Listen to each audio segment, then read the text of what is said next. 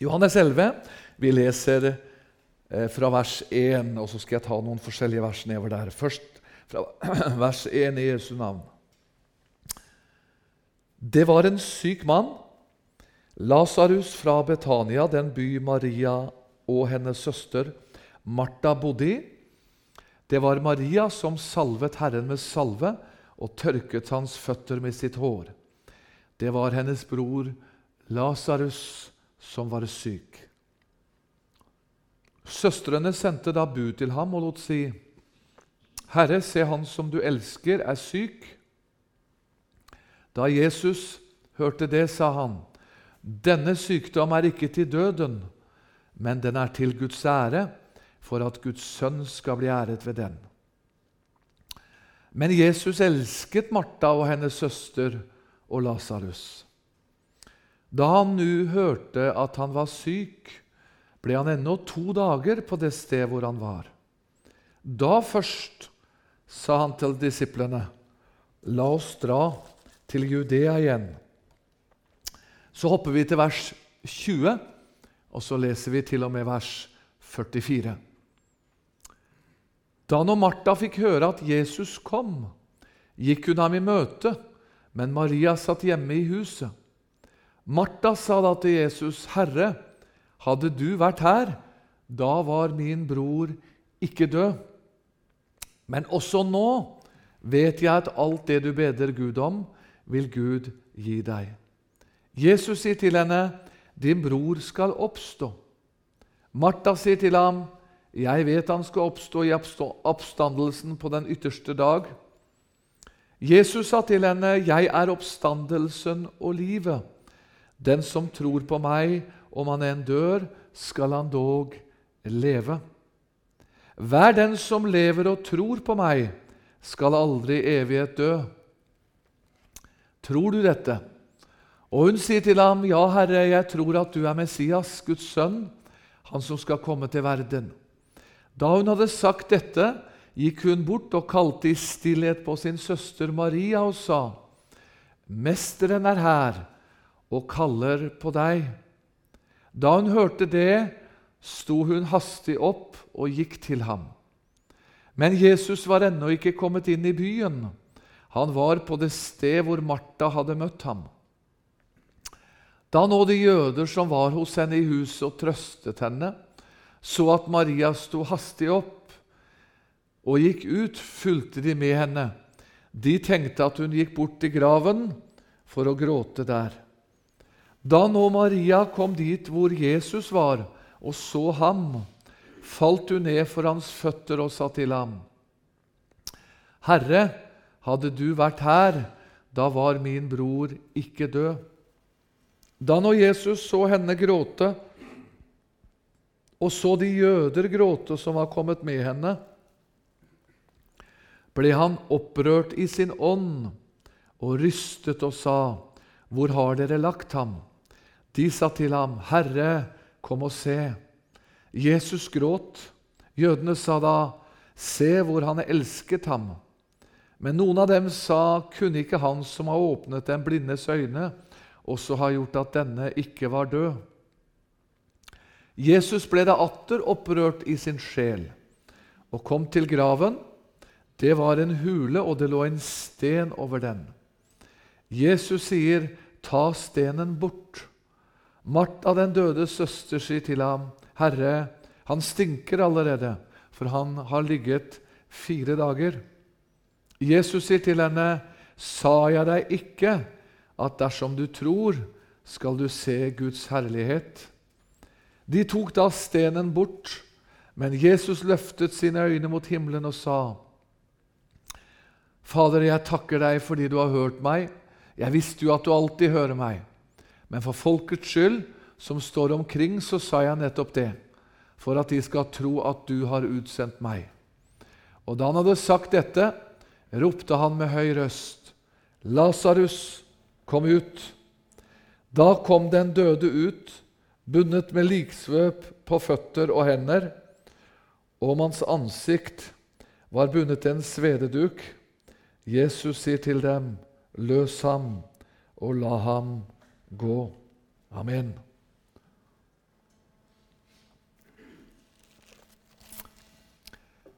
Her eh, kjenner vi beretningen, vi som leser Guds ord. Dette er et hjem hvor eh, vi skjønner ut ifra, vi som har studert evangeliene og lest masse eh, om disse beretningene som Jesus underviste om og var i, så var dette et hjem hvor Jesus var veldig mye. Martha, Maria, Lasarus det var et hjem som Jesus følte seg hjemme. Det var eh, som en del av hans familie. Og nå var Lasarus syk. Han var meget syk, og han døde. Eh, som et nøkkelvers eh, som egentlig kom til meg først når dette budskapet ble født fram i mitt hjerte i uka som var, det er vers 40. Jesus sier til henne, 'Sa jeg deg ikke at dersom du tror, skal du se Guds herlighet?' Venner, uansett i hvilken situasjon vi er, og du og jeg befinner oss i, så har vi en herlighetens Jesus. Halleluja. Vi har en Jesus som uansett prøvelser, uansett motgang, så kan han omskape den til en gledesdrakt ifra en sørgedrakt. Halleluja. Bare helt kort Ikke dybden i beretningen, for vi skal ta med en del andre bilder. Men her er altså Lasarus syk. Jesus er sammen med disiplene på en helt annen plass og underviser. Og så får han budskapet her i de første versene. Nå må du komme, Jesus, for din venn Lasarus, han er syk. Og så er det vanligvis, vanligvis sånn når vi blir tilkalt som menighetsledere og andre noen er syke, eller det haster med våre familier eller barn, eller hva som helst, vi har anledning, så kommer vi med en gang. Men Jesus er underlig. Han er noe for seg sjøl. Ja. Skulle tro han bare satte føttene i gang og kom med en eneste gang. Nei da, han blir ennå to dager på stedet. Og så vet han at Lasarus er syk. Og så gir det oss mange tanker, så tenker vi Hvorfor gjør du det? Han var jo syk! Du må komme med en gang! Men har du tenkt over det? At Jesus venta enda to dager. Da ble underet enda større. Ja, det kan hende han drøyer i situasjonen din, som jeg har sagt litt, vært inne på før noen ganger. Hende han sover litt lenge på puta i båten. Men om det går litt seint, så blir underet enda større. Han kommer aldri for seint. Han kommer i sin tid. Da tidens fylde kom, så kom han. Så vi tenker Jesus, du kommer for seint nå. Nei, Guds planer er litt annerledes av og til enn det vi har. Er du med? Ja. Og så kommer han. Disiplene undrer seg osv. Du leser beretningen mer når du kommer hjem. Og de tenker at nå slår vi lag med Jesus, for nå skal vi ha en begravelse her. Men det ble ikke begravelse. Halleluja, det ble oppstandelse. Det ble frigjørelse. Hør, min venn, det er ikke begravelse som venter deg i din prøvelsestid. Det er Guds herlighet.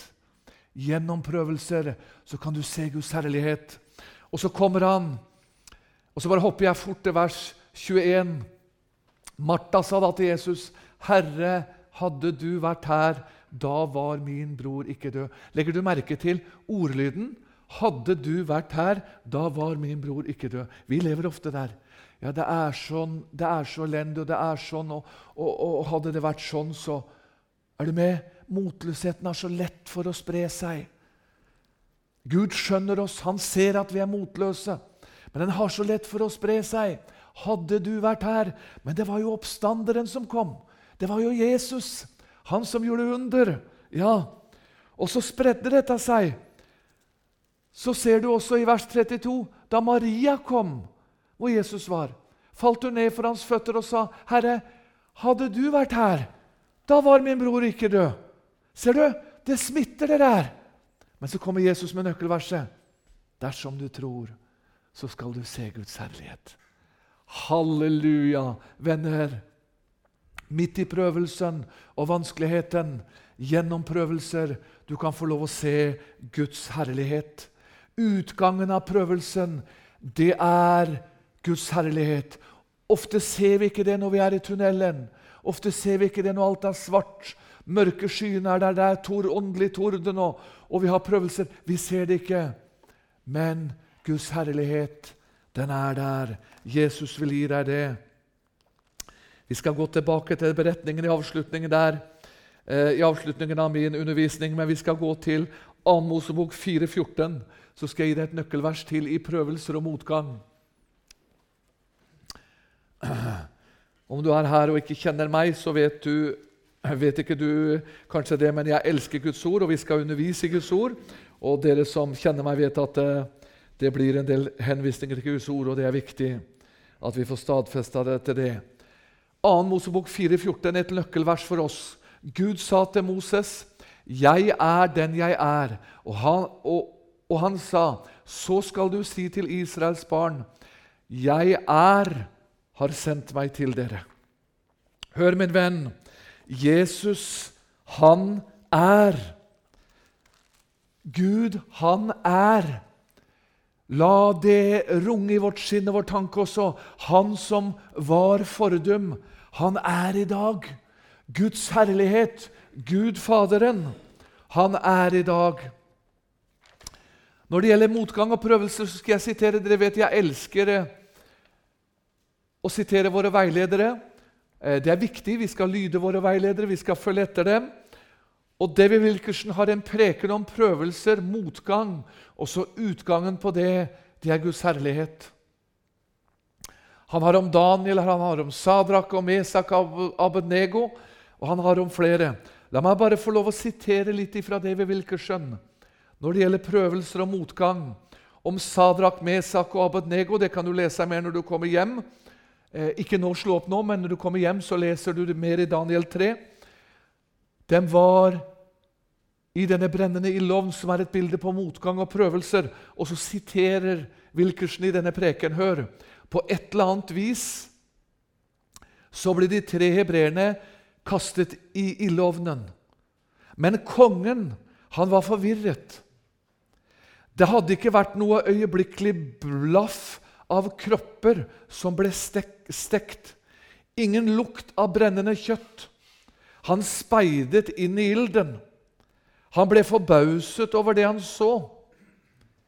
De tre hebraiske menn gikk omkring oppe på de glødende kullene, som de gikk på rosenblad. Ilden hadde bare brent av repene de var bundet med. Og nå var hendene deres løftet i lovprisning til Gud. Nebukadnesar snudde seg mot en av sine medarbeidere og sa, 'Hvor mange menn kastet vi inn?' Tre konger var svaret. 'Men jeg ser fire', sier kongen. 'Og ingen av dem brenner. De er ikke engang skadet.' Og en av dem ser ut som Guds sønn. Nå, hvordan kunne en hedens konge gjenkjenne Guds sønn? Det var fordi Kristi herlighet ikke kan skjules.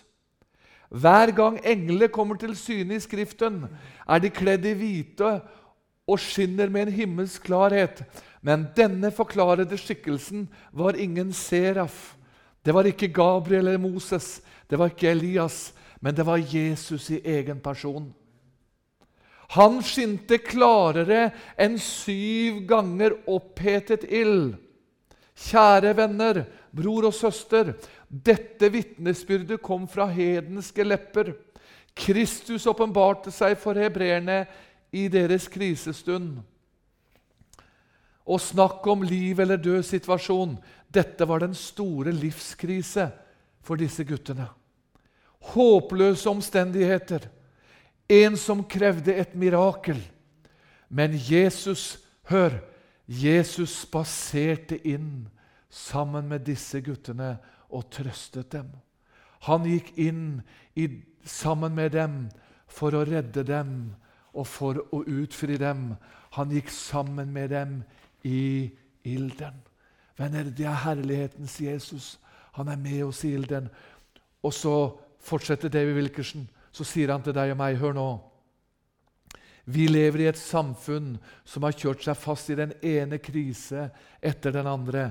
Hvem kjenner du som ikke akkurat nå står overfor en krise, eller som ikke nettopp nå har kommet ut av en? Personlig kjenner jeg mange kristne som står overfor svære vanskeligheter, som truer med å overmanne og ødelegge dem. Hva slags krise står du overfor? Er den åndelig, økonomisk, psykisk eller fysisk? Hør, er det i ditt ekteskap, på jobben, forretningen? Jeg snakker om omstendigheter så alvorlig at bare et mirakel kan få deg ut. Hør nå, når du er i en slik krise, avslutter han, så trenger du at Jesus, herlighetens frelser, kommer inn og vandrer med deg, og så vandrer han sammen med deg.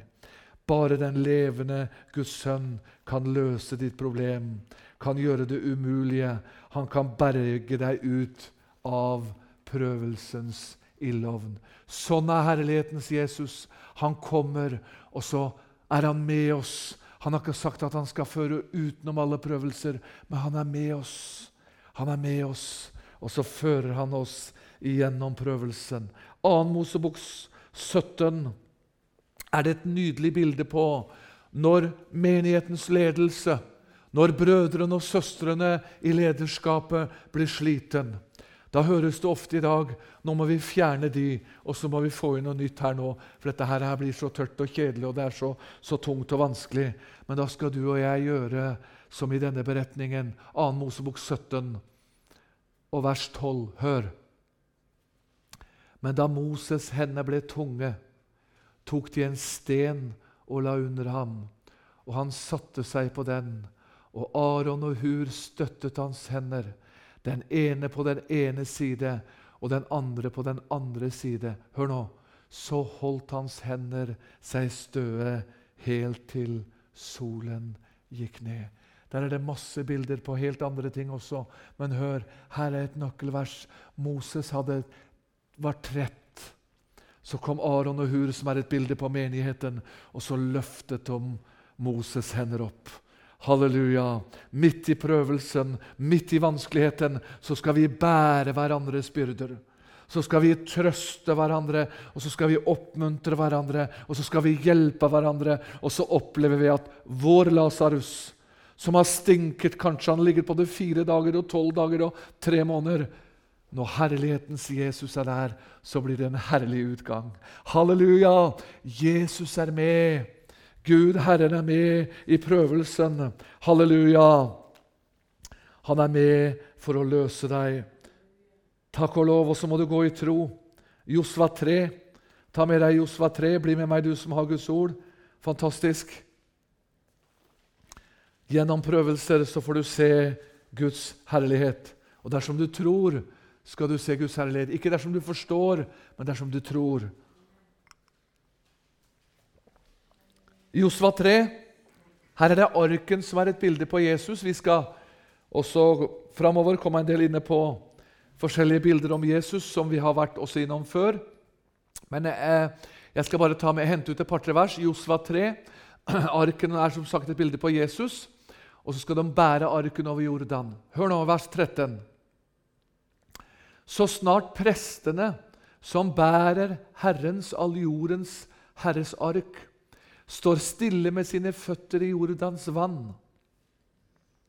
Da skal Jordans vann, det vann som kommer ovenifra, demmes opp det stå, så det står som en vegg. Og så står det i vers 15. Hør hva det står nå. De som bar arken, altså Jesus var med i følget, de kom til Jordan. Og de prester som bar arken, rørte med sine føtter ved det ytterste rand av vannet, vers 16.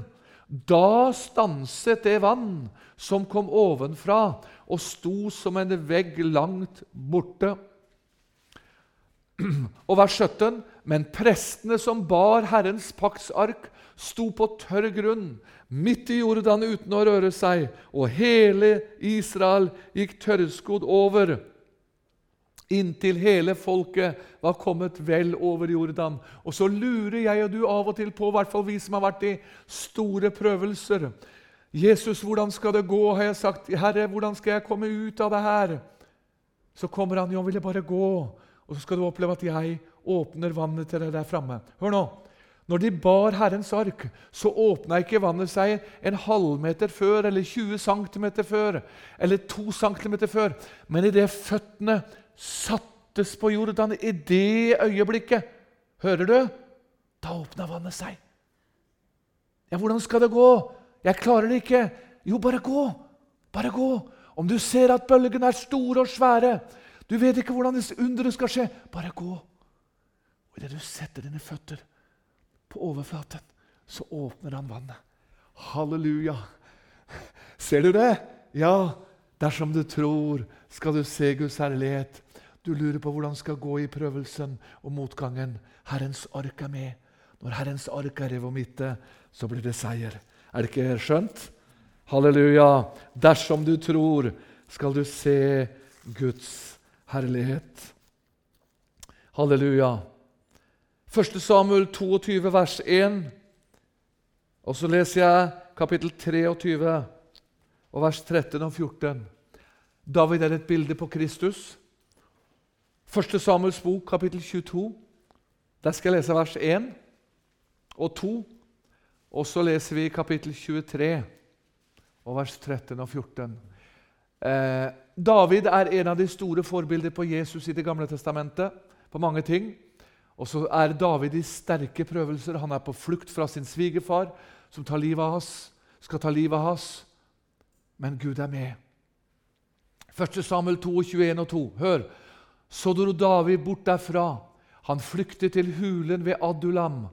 Og da hans brødre og hele hans fars hus fikk høre det, hør, dro de der ned til ham. Og jeg syns vers 2 er så nydelig, for det minner seg meg så skjønt om Jesus. Alle som var i nød, eller som var trykket av gjeld, eller som var misfornøyde, de samlet seg om ham, og han ble deres høvding. Det var omkring 400 mann som var med ham. Venner, David var på flukt. Han måtte gå inn i hulen og gjemme seg. Hør, min venn som er i prøvelser og vanskeligheter. Av og til så kjenner vi det sånn, i hvert fall er det sånn med meg og mange andre. Vi føler at vi må gjemme oss noen ganger i hulen. Vi føler at vi må ut i ørkenen nå, for prøvelsen er så sterk. Men halleluja, da er Jesus der. Alle som var i nød, var trykket av gjeld. Du har kanskje blitt misfornøyd med ting, masse ting. Halleluja, Jesus er med deg. Han er hos deg. Tenk Davids store prøvelser, kapittel 23, vers 13 og 14. Hør, da brøt David opp 1. Samuel 23, 13 og 14. Da brøt David opp med sine folk, omkring 600 mann. De drog bort fra Keila og vanket hvor det traff seg. Da Saul fikk spurt at David hadde sluppet bort fra Keila, lot han være å dra ut. Siden holdt David til i ørkenen, i fjellborgene. Han holdt til i fjellene i Sifsørken, og Saul søkte efter ham hele tiden. Men hør denne nydelige setningen. Men Gud gav ham ikke i hans hånd. Hør, min venn. Gud gir deg ikke djevelens hånd. Hør, min venn, om du føler at du er i ørkenen, kanskje du er i hulen, kanskje du er i andre ting du kjenner på. Jesus er med deg. Han går igjennom deg, uansett hva slags prøvelser du har. Halleluja! Guds herlighet skal toge frem i prøvelsen, og du skal se Guds herlighet skal vi gå til første kongebok 17. Og så har jeg lyst til å lese der fra vers 1 til 5. Eller 1-7 leser vi faktisk. Første kongebok 17, og så leser vi 1-7. Da sa tidsspisten Elias, en av dem som var flyttet inn i Gilead, til Akab så sant Herren Israels Gud lever, Han hvis tjener jeg er og lever, det skal i disse år ikke komme dugg eller regn uten etter mitt ord. Vers 2 i første kongebok 17. Og Herrens ord kom til ham, og det lød således.: Gå herfra og ta veien mot øst. Skjul deg ved bekken Kritt, østen for Jordan. Du skal drikke av bekken, og jeg har befalt ravnene å forsørge deg der. Så gikk han og gjorde som Herren hadde sagt. Han gikk til bekken Kritt østen for Jordan og oppholdt seg der. Og hør nå, ravnene kom til ham med brød og kjøtt om morgenen og med brød og kjøtt om aftenen. Og han drakk av bekken. Halleluja! Men da det var gått en tid, ble bekken uttørret, for det kom ikke regn i landet. Stopper vi der. Hør, min venn. Her er det en profet som er Guds tjener. Og så lurer jeg og du iblant hvorfor er jeg i denne prøvelse? Hvorfor er jeg i denne vanskelighet? Det er mange hvorfor i våre liv, venner. Vi får ikke svar på alle hvorfor. Noen får vi svar på, men de fleste må vi vente til vi kommer hjem for å få svar på. Men da bryr jeg meg ikke om å få svar på de, for da er jeg hjemme i himmelen, og da betyr det ingenting. Men hør, hør min venn, hvorfor skulle profeten prøves? Det var hungerstid. Han måtte ha kråkene til å mate seg. Er du med? Og så drakk han av bekken, som er et bilde på Kristus. Hør, min venn, du har sterke prøvelser, men hør, han skal sørge for deg. Iblant tar det sånn også med oss som forkynnere. Ravnen er et bilde på det urene dyrene ifølge Moseloven. Eh, et bilde også, hvis du tar det litt lenger, bilde på denne verden, de ufrelste. Det har vært sånn iblant når prøvelsen har blitt for sterk også for oss som Guds folk og Guds tjenere som forkynner evangeliet. Når vi ikke har mat på bordet og vi ikke har penger til regninger, og det ene med det andre, så lurer du på hvorfor Gud. Men da kommer det en ravn eller så kommer det en kråke når Guds, men, Guds menighet ikke er våken. Og så gir de deg litt mat og så gir de deg litt penger, og så kjenner du nå går jeg et stykke til. Og så opplever du Guds herlighet. Halleluja! Venner, midt i prøvelsen, midt i vanskeligheten, så er Jesus der. Halleluja! Dersom du tror, så skal du se Guds herlighet. Sånn er Jesus. Og så kan du lese i kapittel 18 jeg skal ikke lese det når du leser det når du kommer hjem, men vi skal gå i, over i kapittel 19. Denne profeten Elias. Så skal jeg bare ta ut to vers. Eh, så kan du lese mer når du kommer hjem i kapittel 19 også. Men for kortets skyld, for jeg må ha med en del ting til. Første kongebok 19, vers 3 og 4. Hør. Da han hørte det, gjorde han seg rede, og så dro han bort for å berge livet. Han kom til Berseba, som hører til Juda. Der lot han sin dreng bli tilbake. Selv gikk han en dagsreise ut i ørkenen. Der satte han seg under en gyvelbusk, og så ønsket han seg døden og sa, 'Det er nok. Ta mitt liv, Herre, for jeg er ikke bedre enn mine fedre.' Hør, min venn, du som er ung eller eldre, har du tenkt, 'Nei, nå er det så sterke prøvelser.' 'Dette her skjønner jeg ikke, Gud.' Og så har du fått tanker om det at 'Hvorfor i all verden skal jeg følge deg?' Nå ønsker jeg bare døden, nå ønsker ikke jeg å være mer og mer på denne veien. Det var profeten Elias. Han hadde stått på Karmel og opplevd at mange hundre djevelens profeter hadde blitt beseiret av Guds ild. Og så blar du et blad, så var han bare et menneske. Da var det én kvinne som ville ta livet av ham. Da ønsket seg døden. Vi skal ha respekt for kvinnen, men det får være måte på. Forstår du? Ja. Hva viser det? Han var et menneske. Nå ønsket han å dø. Men hør, min venn, mange situasjoner i ditt liv, da kommer Gud. Da kommer det stormvær, og da kommer det ene med det andre. Men så kommer det en stille susen. Leser du senere i kapitlet, og så går han ut, og så opplever han Herrens herlighet. Hør, min venn, midt i prøvelsen, det kommer snart en stille susen i ditt liv. Og så får du oppleve Guds herlighet over ditt liv i din prøvelse det er svaret underveis. Engler kommer med bud nå. Ja, Noen av oss har også ønsket oss døden, bokstavelig talt, i sterke prøvelser. Men da kom han, og så stilnet han stormen. Halleluja. Og så fikk vi oppleve Guds herlighet. Halleluja. Sånn er Jesus. Mange ting til vi skulle tatt med men uh, i Det gamle testamentet. Jeg skal bare ta med noe før jeg går inn i det nye. Jobbs bok, kapittel 19. Når du kommer hjem, så leser du Kanskje du skal ta det som en av bøkene i dette året å lese. Eh, Jobbs bok er todelt. Det er ei veldig bok om Guds menighet, om ting vi eh, skal oppleve og ser, men det er også ei profetisk bok om Israel og jødene. Jobb hadde alt, han var storlig velsigna, og så mista han alt.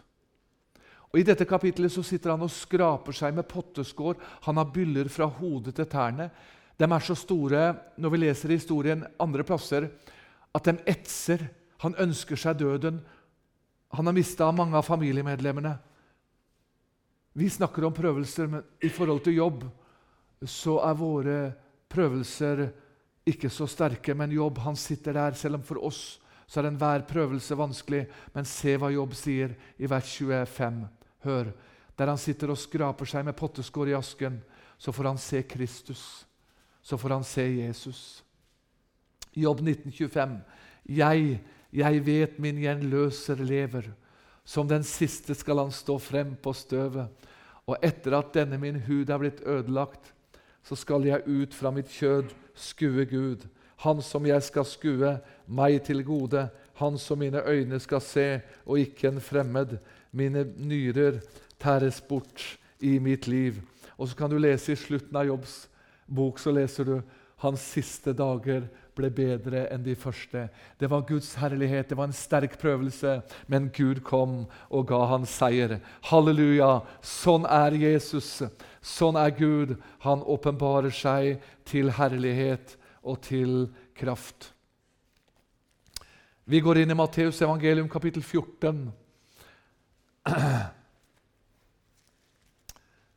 Matteus evangelium kapittel 14. Her er det nøkkel til å bestå i prøvelsen. Og her er en nøkkel til å seire i motgangen. Gud har ikke lovt deg bare seier. Jesus har ikke lovt deg bare herlighet. Men det er viktig hvor blikket ditt er festa hen. Ja, Matteus 14. Jeg leser fra vers 29 for korthets skyld. Matteus 14, 29. Han sa Matteus 14, 29. Han sa, 'Kom.' Og Peter steg ut av båten og gikk bortover vannet for å komme til Jesus. Men da han så det hårde vær, ble han redd, og så begynte han å synke. Da ropte han, 'Herre, frels meg!' Og Jesus rakte straks hånden, tok fatt i ham og sa til ham, 'Du lite troende, hvorfor tvilte du?' Og da de steg i båten, da la vinden seg. Venner, her var Peter ute på vannet. Han gikk på vannet. Han så på Jesus. Da gikk han på vannet. Det var store bølger, sterke bølger. Midt i prøvelsen har vi rett fokus, så får vi lov å seire gjennom prøvelsene. Men så begynte han å se seg omkring, og så sank han. Venner, når vi mister blikket på Jesus, mister fokuset på Jesus og begynner å bli mer opptatt av det som er rundt oss, så begynner vi å synke, så begynner vi å tvile, og så begynner vi å bli motløse. Men nå skal du løfte ditt blikk og så skal du se på Jesus, se på hans løfter og se på Guds ord og inn i Guds ord. Og så skal han berge deg. Om bølgene er så svære som bare det, det hjelper ikke. Jesus er med. Herlighetens konge er med. Dersom du tror, så skal du se Guds herlighet. Vi bør ikke slå opp i det, men du leser beretningen, for vi skal eh, lese litt i Romerbrevet 5. Romerbrevet 5 skal jeg bare lese litt om prøvelser. Jeg skal ta med noen eh, skriftsteder nå om Paulus' undervisning og om prøvelser til trøst og oppmuntring til deg. Romerbrevet 5. Men hør nå, mens du finner fram det. Selv Jesus ble prøvet. Han var trett. Eh, du kan lese når du kommer hjem i Johannes 4.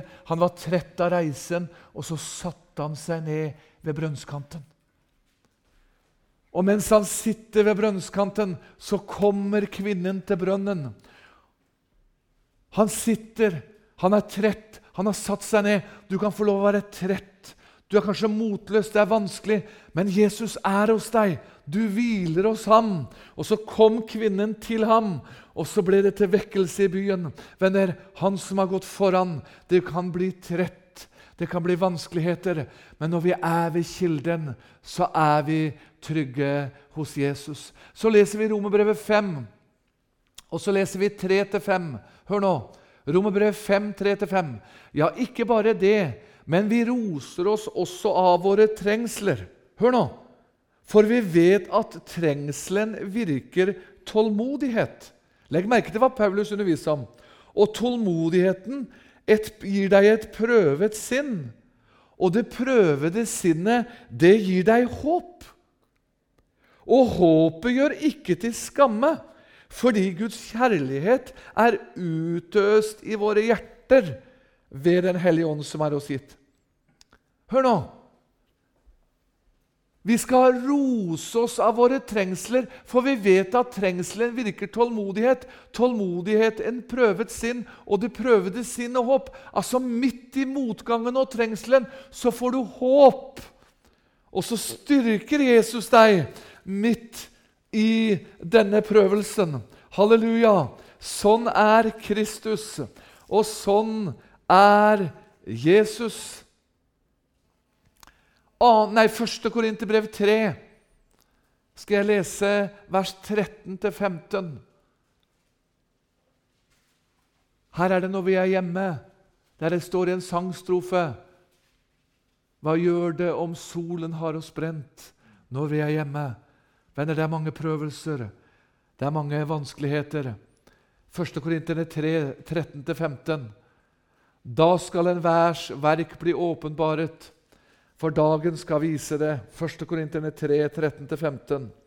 For den åpenbares med ild, og hvordan enhvers verk er, det skal ilden prøve. Om det verk som en er bygget på, står seg, da skal han få lønn. Og om ens verk brenner opp, da skal han tape lønnen, men selv skal han bli frelst, dog således som gjennom ild.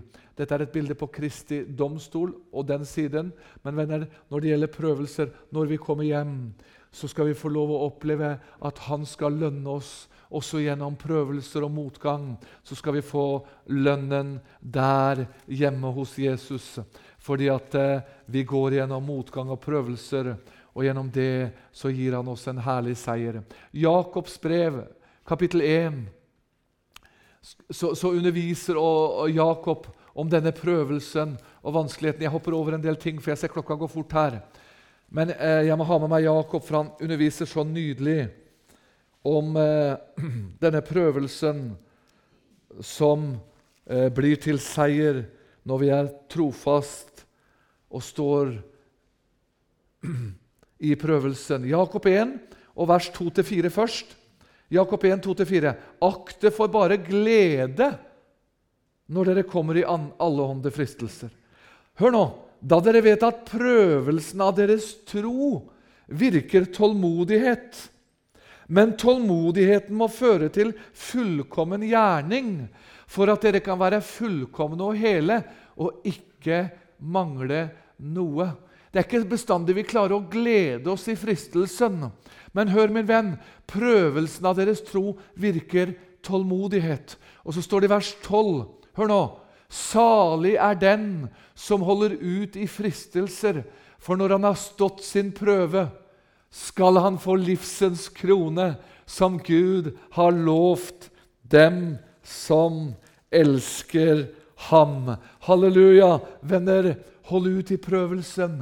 Hold ut i vanskeligheten, for Kristus skal lønne deg. Livets krone er der framme og venter.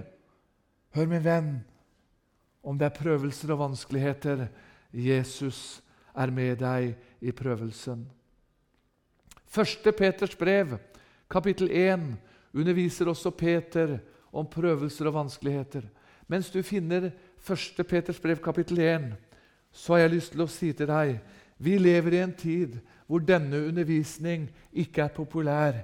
Fordi at vi lever i en tid, selv i de bibelske menigheter for Som jeg bruker i det uttrykket, så er det sånn at du skal bare ha herlighet og du skal bare ha glede. Hvis du får vanskeligheter og prøvelser, ja, da er det noe gærent med ditt åndsliv. Nei, langt derifra. Hør nå. Noen av de mest betrodde menn og kvinner i Bibelen hadde noen av de største prøvelsene.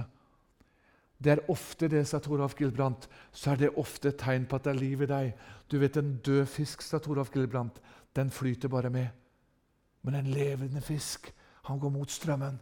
Hvis du kjenner at det er motstrøm, det er tegn på at det er liv i deg. det. Halleluja! Jesus er med deg midt i motgangen og midt i prøvelsen. Halleluja! 1. Peter 1, vers 6 og 7. Venner, det er som det kostelige gull. Er du klar over at prøvelsen er som det kostelige gull? Her står det 1. Petter 1, 6 og 7. Derfor fryder dere om dere enn nå, når så skal være Altså, det må være sånn, sier Peter, eh, sagt på en annen måte. Så har dere sorg, og en liten stund så har dere allehånde fristelser. Men hør, i vers 7.: For at deres prøvede tro som er meget kosteligere enn det forgjengelige gull, som dog prøves ved ild, må finnes til lov og pris og ære i Jesu Kristi åpenbarelse. Når du prøves og får fristelser, og du får motgang, så er det som det forgjengelige gull. Gud skaper noe edelt i ditt sinn, i ditt hjerte, så til større stormene kommer der framme, til sterkere blir du. Og venner, noen av de mest prøvede menneskene kan være til hjelp, mest til hjelp for de mennesker i dag som har vanskeligheter og problemer. Vi trenger å hjelpe mennesker i dag som er såret, som er ødelagt, og som har sterke prøvelser. Så er Jesus vår styrke. Halleluja. Før jeg også skal i Romerbrevet 8, så har jeg lyst til å leve, lese Johannes' åpenbaring. Hør. Johannes' åpenbaring, kapittel 3. Det er et herlig avsnitt. Og så leser jeg vers 18 og vers 20. Åpenbaringen 3, vers 18 og 20. Hør.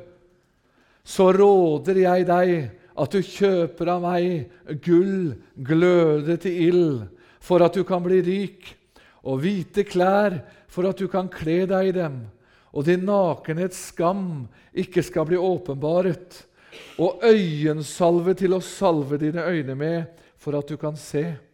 Skal jeg bare stanse litt der før jeg leser vers 20? Hør nå. Her har du en ild, en, en ild, en prøvelsesild. Og så står det i siste verset 'øyensalve til å salve dine øyne med, for at du kan se'. Hør, min venn, noen av de største åpenbaringer og de største stundene med Jesus de kommer i de største prøvelsesstunder. Hørte du hva jeg sa? Da får du øyensalve noen ganger som du aldri har sett ting midt i prøvelsen, midt i vanskeligheten. Ja, så takk. Ikke si til Jesus at 'jeg ønsker ikke prøvelsen'. Han forstår deg når du syns det er vanskelig. Han forstår deg at du syns det er for hardt. Men ikke be om å komme utenom prøvelsen, for da mister du mange velsignelser. Det er vanskelig å be bønnen som en sa en gang. Hør, en kollega av meg, en høvding som var hjemme, som er hjemme hos Jesus nå. Han mista to av sine sønner i narkotika. Han hadde mange barn. Så sto han og underviste når jeg var nyfrelst hjemme i Betania Rakkestad. Så sa han åpent og ærlig Jeg har sagt til Jesus mange ganger Det står at vi skal takke for alt, sa han. Men Gud i himmelen og Jesus, jeg klarer ikke å takke deg for at jeg mista mine sønner. Han var ærlig, men så sa han, 'Jeg takker deg for at du førte meg gjennom det'. Er du med? Ja. Hør, min venn, han er med deg midt i vanskeligheten og prøvelsen. Og så sier han i vers 20, åpenbaringen 3.: Se, jeg står for døren og banker. Om noen hører min røst, åpner døren, da vil jeg gå inn til ham, holde nadvær med ham, og han med meg. Vil du ha et nadværsmåltid med Jesus? Ja, vi ønsker det. Og vi ønsker som Peter og Johannes Vi skal ikke ta med den beretningen. Det er masse beretninger som kommer for meg nå. Men vi skal ikke ta med det. Peter, Jakob og Johannes blir med Jesus oppe på fjellet. Og så sier Peter, 'Her vil jeg bo. Her vil jeg bygge.' Er ikke det deg og meg? Nå skal jeg bare ha herlighet, og jeg skal tale i tunger, og jeg skal alt herlig. Det er herlig å være på øvre sal, men de fleste stundene er det i dalen. De fleste stundene er her nede på jorden, i motgang og prøvelser. Men Jesus er med. Han gir deg nadværsmåltider like for fiendens øyne, sier David i Salme 23, så dekker du bord for meg. Halleluja! Det er Bibelens Jesus. For oss som har vært i sterke prøvelser og ikke trodde vi kom ut av det, så kan vi si Jesus, jeg takker deg fordi at du løste mine bånd, og jeg fikk lov å se lys i den andre siden av tunnelen. Se, jeg kommer snart, sier han i vers 11 i det samme kapittelet i Åpenbaringen 3. Hold fast på det du har, for at ingen skal ta din krone. Du har fått en krone, og når prøvelsen og motgangen din er sterk, utgangen på det, det er Guds herlighet. Halleluja. Og så kom det for meg Romerne 8, skal vi lese det til slutt. For vi tenker som så midt i prøvelsen Nå klarer jeg ikke mer. Har du tenkt det? Når du har fått dine største prøvelser, om det er psykisk, eller om det er fysisk eller om det er åndelig, så tenker du 'Jeg klarer ikke mer nå'. Men det står at han gir oss aldri mer enn det som vi takler. Gud gir kraft.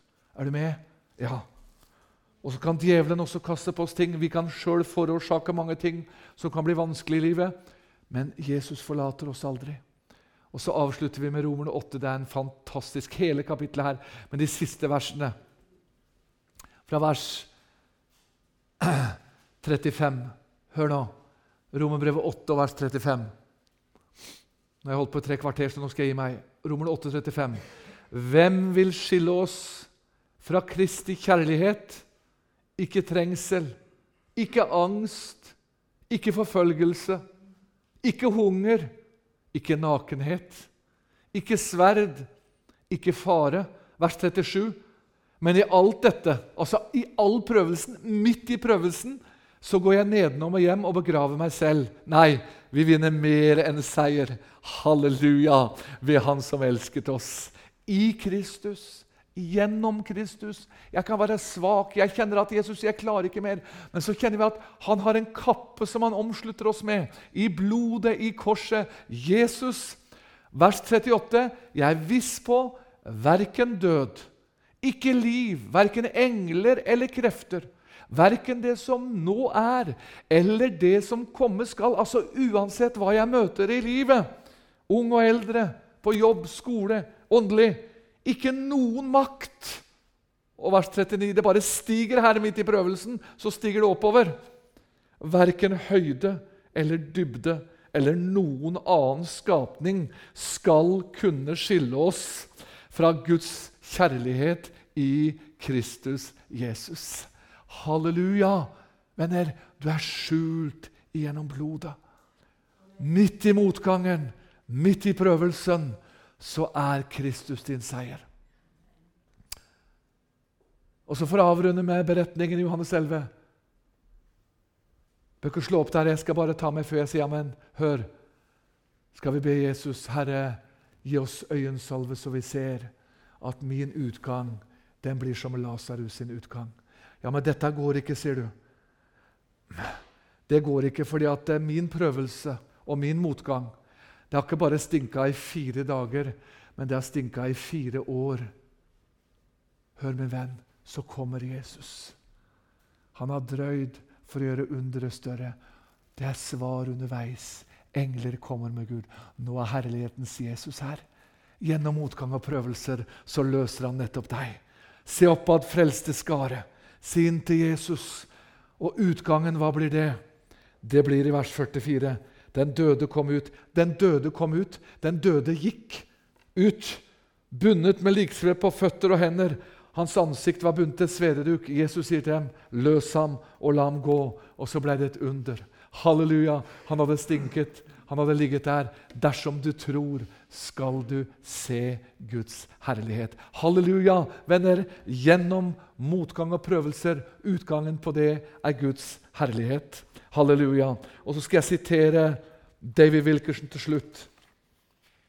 I denne talen så sier han om Daniel når han var i løvehulen. Og legg merke til det han beskriver her. Det gjelder deg og meg. Hør nå. Du som trodde at prøvelsene var et tegn på uåndelighet eller at du ikke er åndelig. Det er ofte det motsatte. som jeg har nevnt. Prøvelsene skal ikke ta slutt. Hør hva David Wilkerson sier om det. Ikke misforstå meg, men trofast bønn vil ikke bevare deg fra å komme i krise. Hør! Tvert imot. Det vil høyst sannsynlig Hør! føre deg til en opptent ovn og en løvehule som Daniel. Men bønn vil forberede deg til å stå overfor alt med tillit for å bli et levende offer for Jesu skyld. Og så fortsetter han. Hør! Daniels bønner førte ham rett til herligheten? Nei. Daniels bønner førte ham rett til løvehulen. Denne prøven kom mange år etter disse mennene eh, gikk igjennom eh, ildovnen. Daniel var antageligvis i 80-årene da han ble kastet i løvehulen. Dette kan kanskje skremme deg hvis du lurer på hvor lenge det vil vare før du slutter å ha kriser. Hør hva han sier. Kanskje du tenkte at du hadde lært alle dine viktige prøver etter et visst antall år med Herren. Likevel tillater Gud her Hør, en av sine største bønnekrigere, Daniel, en mann med en stille og saktmodig ånd. Han tillater, Gud tillater at han står overfor sin livskrise etter mange år i trofast tjeneste. Hør, Kjære prøvede sjel, prøvelsene slutter først når Jesus kommer, eller når du og jeg dør i Kristus. De tider vil aldri komme da du ikke mer trenger å stå overfor en flammende ovn eller en løvehule. Det vil ikke skje før du legger ditt hode i hans fang og sier, 'Jesus, takk at du kommer snart. Nå er jeg hjemme.' Hos deg. Og så avslutter han med å si Herren svarte, David, det er umulig å elske meg uten å søke meg. Et av mine barn, han elsker meg. Han vil oppleve sterke prøvelser, men jeg er alltid din hyrde, og jeg dekker bord like for fiendens øyne. Venner, Guds herlighet, det er utgangen på dine prøvelser. Din kraft, den fullendes i Jesus. Han skal beskytte deg, han skal gi deg kraft, han skal bevare deg. Du skal ikke frykte i prøvelsen, men du skal oppleve at utgangen på motgangen og prøvelsen, det er Guds herlighet. Halleluja.